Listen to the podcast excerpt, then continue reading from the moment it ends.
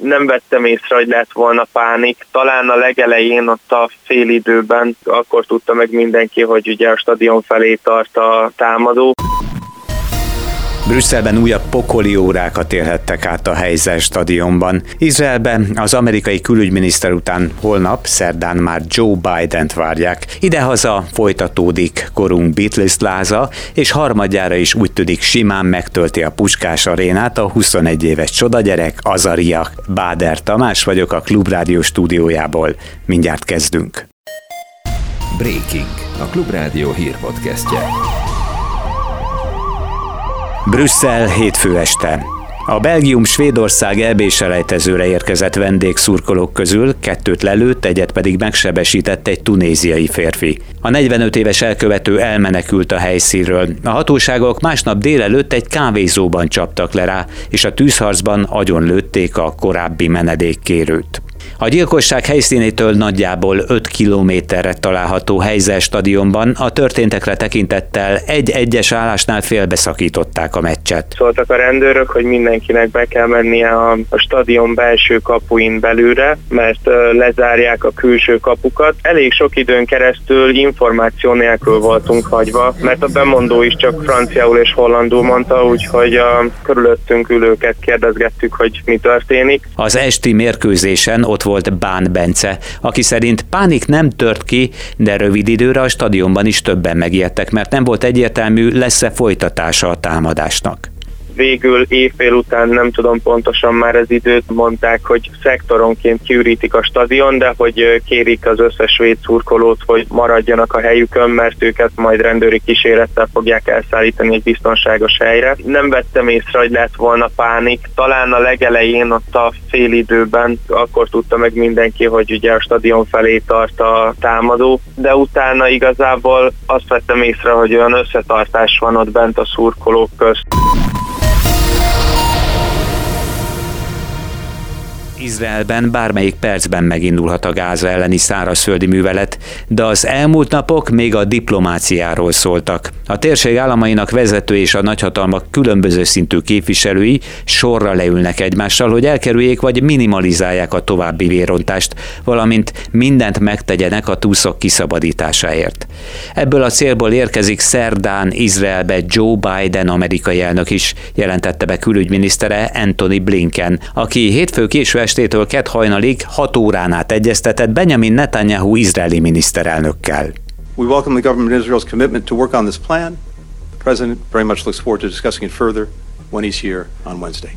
Szombaton a gázai konfliktus rendezését célzó államfői csúcs találkozót tartanak Egyiptomban, jelentette be a török külügyminiszter, aki elmondta, hogy például a túszok elengedése érdekében igyekeznek majd közvetíteni, és kapcsolatban vannak a Hamasszal is. Azt senki nem tudja megmondani, hogy a hétvégéig mi történik még a térségben, de eddig már mintegy félmillió izraeli és 700 ezer gázai elhagyta otthonát a háború miatt. A Hamas terrortámadása óta a gázai övezet környékén 25, a libanoni libanoni határnál 20 izraeli települést evakuáltak a hatóságok a civilek védelmében. A hadsereg a mobiltelefonok számának változásából azt is látja, mely térségeket ürítettek ki a gázai övezet egyes részein. Ez szerint hétfő délutánra az észak-gázai térség korábbi 1,1 millió lakójából már mintegy 700 ezeren távoztak délre.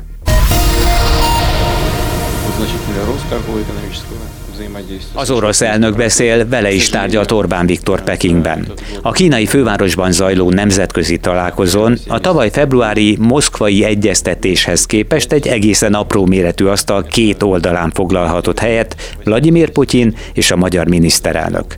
Utóbbi sajtófőnöke szerint egyebek mellett a béke fontosságát hangsúlyozta a megbeszélésen. A 444 viszont azt emelte ki, hogy a magyar kormányfő az orosz hivatalos kommunikációhoz hasonlatos katonai hadműveletként említette az Ukrajnát sújtó háborút. De nem Vladimir Putyin volt az egyetlen nagyfogása a kínai fővárosban, ahol Xi Jinping elnökkel is összehoztak számára egy kétoldalú találkozót, ha már egyedüli uniós politikusként Pekingbe vezetett Orbán Viktor útja.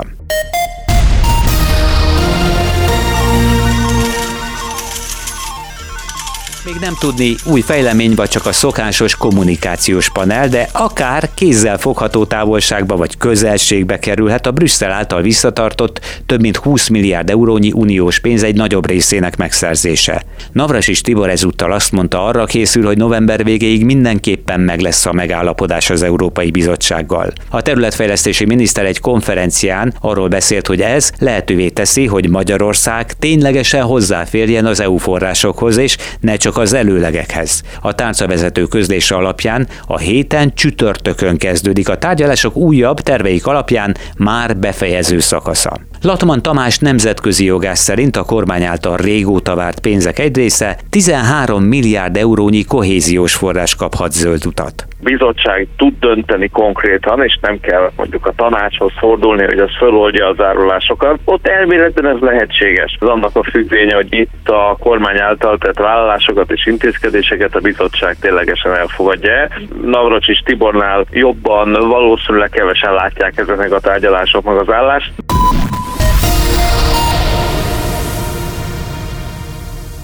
Megvan a választások végeredménye Lengyelországban, de azt még senki nem tudja, hogy a Brüsszellel szemben az Orbán kormánya rendre szövetséges jog és igazságosság vezette kabinet, vagy ellenzéke folytathatja a kormányzást a polgári koalíció vezetésével. A várható mandátumok alapján erre az utóbbinak van nagyobb esélye, értékelte a helyzetet a Klubrádiónak Gordon István Lengyelország szakértő.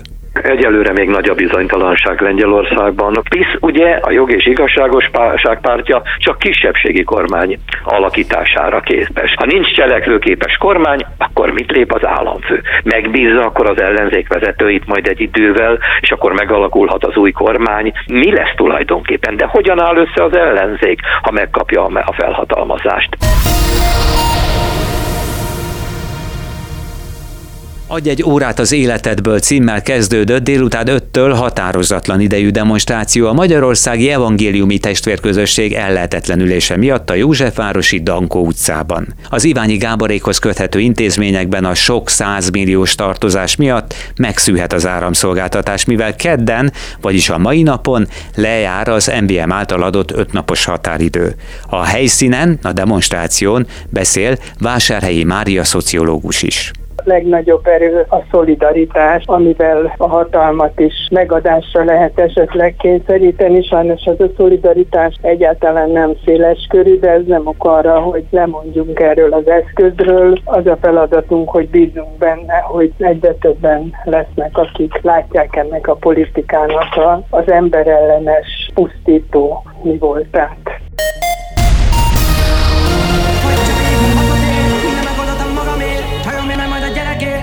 Valaki megért, nekem ez ez, de mindenki másnak Epicik folyamatok efikáznak, kibaszott legenek kis hibáznak. Aki velem packáz, az rápáz. Kunguru gunguru gunguru gunguru gunguru Ebben a mélységben senki sem szólt a szepák profi a srác, nagyon intelligens, csak ez nem zenei teljesítmény.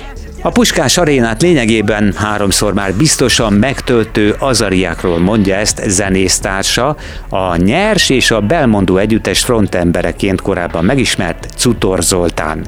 Szerintem még korábban mindig valami forradalmi lázadás szólt ekkorát, most inkább szórakoztatóipari forradalmat láthatunk. Az Ariában nincs semmi forradalmi vagy semmi új, viszont elképesztő profizmussal és elképesztő intelligenciával tapint rá arra, amire a többségnek igény van. Ez egy szórakoztatóipari forradalom, kiemelkedő, igazán kiemelkedő teljesítmény, amilyen talán még soha nem volt Magyarországon, de ez nem zenei teljesítmény. Valami vár, valami Amerika,